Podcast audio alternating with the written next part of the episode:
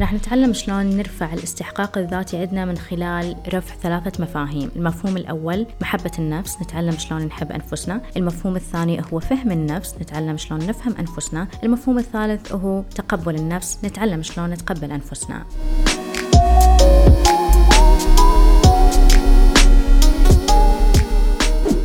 إذا جينا نتكلم عن موضوع محبة النفس فهذه من المواضيع الأقرب إلى قلبي. ممكن البعض منكم اللي تابعني في إنستغرام لاحظ إن في ال bio حقي كاتبة جملة love yourself first لأن تطبيق هذه الجملة تحقيقها يحتاج مني وقت طويل. فأنا خليتها أحد مهامي ورسائلي في ال social media إن أنا أبي أساعدك تحب نفسك. ما أقدر أبين وش قد مهم إنك أنت تحب نفسك إذا تبي تعيش راضي إذا تبي تعيش سعيد إذا تبي تعيش بسلام داخلي بقناعة لازم تتعلم تحب نفسك. تحب نفسك بأنك أنت تقدمها على الغير. وقتك ملكك مشاعرك ملكك. تستثمر فيهم بشيء ينفعك أنت أول شيء. مثال أنك أنت تخلق لك روتين معين مدته ساعة ساعتين خلال اليوم بس لنفسك. أنا أسميه وقت حق السلف مينتننس حق الإصلاحات الذاتية النفسية. سواء تبي تكتب سواء تبي تقرأ سواء تبي تسوي رياضة تبي تسوي meditation تبي ترسم إيش ما كان. فأنت الدين إلى نفسك. بهالوقت هذا إذا كنت تبي ترفع من محبتك لنفسك باختصار إذا كنت بتحب نفسك فلازم تملك رغبة كبيرة هوس للتغيير وللتطور. لأني أحب نفسي أبي أكون أفضل إصدار من نفسي لأني أحب نفسي أبي أكون إنسانة أفضل. طالما أنا عايشة طالما أنا أتنفس فكل يوم يعتبر فرصة إلى التغيير للأفضل. أطالع نفسي كأني project وهال project هذا يحتاج إصلاحات يومية. وبجوانب مختلفة الجانب الصحي والجسدي بأن أنا أكل كويس أتمرن أسوي يوغا أطلع أتمشى. أي شيء يجيب لي متعة داخلية. أحب نفسي بأن أنا أهتم بالجانب النفسي أن أنا أتعلم شلون أسامح نفسي على أي قرار خطأ أخذته في الماضي مثلا. أحب نفسي بأن أنا ما أقارن بيني وبين الآخرين ما أقارن لأن كل إنسان عنده قدرات داخلية مختلفة عن الآخر. وإحنا دورنا نعرف قدراتنا ونكتشفها ونتميز فيها مو نحن نقارنها بالغير. أهتم لنفسي من الجانب الاجتماعي بحيث أن أنا أقوي علاقاتي مع الناس اللي واثقة أنهم يحبوني وأبتعد عن العلاقات السيئة. وعاشر الناس اللي ترفعني وتشوف إمكانياتي وقدراتي وتؤمن فيني. وإذا شاركت أهدافي ما تقول لي أوه كوني عقلانية. وبعد من باب محبتي لنفسي أنا راح أستثمر في عقلي بأن أنا أقرأ وأقرأ وأقرأ لأن عقلي يعتبر أكبر وأنجح مصدر استثمار أنا ممكن أستثمر فيه. لأن القراءة تعتبر سبب نجاح بعض الناس سبب نجاح بعض الأمم قوتها. اهتمامك لنفسك من الجوانب هذه ما يعكس أي أنانية بالعكس هذا حق لنفسك عليك. هذا أبسط شيء أنت ممكن تقدمه لنفسك هو الحب.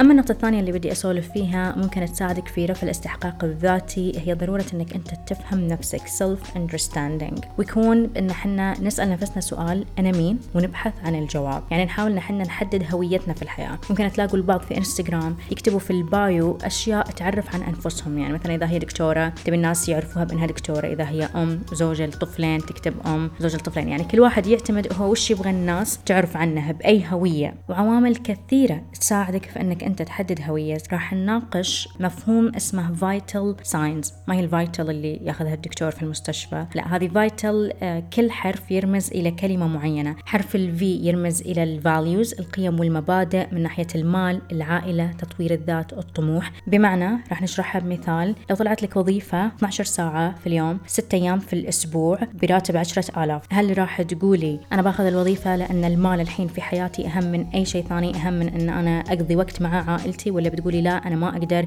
عيالي ما حد يقوم فيهم وهم أهم من أي شيء ثاني. هذا اللي نقصده بتحديد القيم والمبادئ. الحرف الثاني هو ال I واللي يحدد ال interests اللي هي المواهب والاهتمامات. إيش الاهتمامات اللي بتمارسها اللي تشوف نفسك جيد ومتفوق فيها اللي تستطيع تخدم المجتمع منها أو اللي ممكن تدخل منها فلوس. ال T يرمز لل temperament اللي هي صفات بالشخصية. هل أنت شخص انطوائي أم شخص اجتماعي؟ هل تحب تقوم بأعمال ومهام مع الناس ومع الآخرين أو مع نفسك وأنت قاعد في غرفتك ومقفل عليك الباب. الحرف اللي بعده هو حرف ال A ويرمز إلى around the clock بمعنى هل أنت إنسان صباحي أو مسائي؟ طاقتك تكون عالية خلال الصباح أو المساء هذا كله يحدد من هويتك. وآخر حرف هو حرف ال life meaning بمعنى إنك أنت تحاول توجد معنى إلى حياتك. so هذه الأشياء كلها تساعدك بإنك أنت تفهم أنت مين. ممكن تلجأ إلى الكتابة بحثا عن الأجوبة كتابة صفحات الصباح كتابة يوميات كتابة journals هذا بيساعدك إنك أنت تسمع نفسك وتراجع حالك. رحلة البحث عن جواب راح تاخذ منك وقت تحتاج تقضي وقت بروحك وحيد عشان تقدر تسمع لصوتك الداخلي. تحاول إنك أنت تشيل طبقة من على طبقة قشرة من على قشرة إلى ما توصل إلى جوهر نفسك. هذه رحلة في الأخير. استمتع في البحث. أما النقطة الثالثة اللي بدي أسولف عنها ممكن تساعدك في رفع الاستحقاق الذاتي هي self acceptance تقبل الذات. وأحس هذه من مهام الأهل اللي من المفترض ساعدونا إن إحنا نحب أنفسنا ونتقبل أنفسنا من الصغر. الشخص اللي يعيش في بيئة غير صحية غير سليمة فيها كثير من الضرب والصراخ. إذا طفل سوى شيء غلط لكن إذا سوى شيء صح ما يلقى من يشجعه من يحفزه وياخذ بيده ممكن يكبر وهو confused. يصير فيه إن أنا كل شيء أسويه غلط.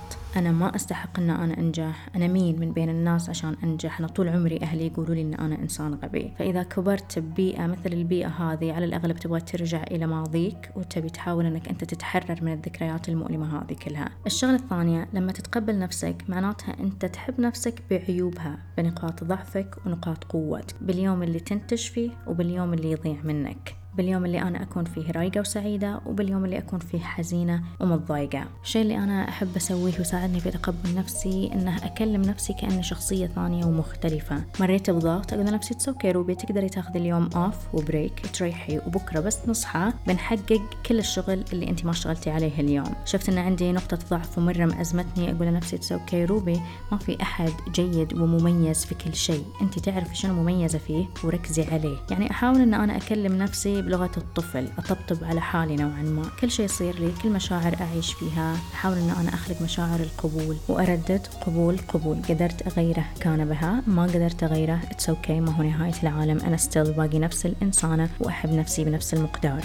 وآخر شيء أبي أقوله بخصوص هذه النقطة إن حنا أغلبنا واقعين ضحية مجتمع. لأن دائما نحط الآخرين في قوالب. إذا أنت فيك هذه الصفة وتعيش وفق هالمعايير والمقاييس هذه معناتها أنت تقدر تكون صديقي وتقدر تكون قريب مني لكن إذا ما فيك الصفات هذه معناتها إحنا ما نقدر نكون قراب من بعض. يعني كوننا مختلفين معناتها لازم نقطع علاقتنا مع بعض. وأحس هذا الشيء غلط من المفترض إن إحنا نكون لينين أكثر مرنين أكثر. الاختلاف ما يخلينا أعداء. أنت إذا ما تقبلت الطرف الثاني بتخليه يعيش في معاناة إن أنا لازم أتلون بهاللون هذا وأتصف بهالصفات هذه اللي يمكن ما تعكس شخصيتي ولا حقيقتي لكن عشان أبغى أكسب الآخرين فأنا لازم أعمل حالي أمثل إن أنا فيني الأشياء هذه. ما حد يبغى يعيش حياتين. ما حد يبغى يعيش مع مبدئين with double standards. فهذه من الأشياء اللي نقدر نطبقها على أنفسنا ونبدأ فيها.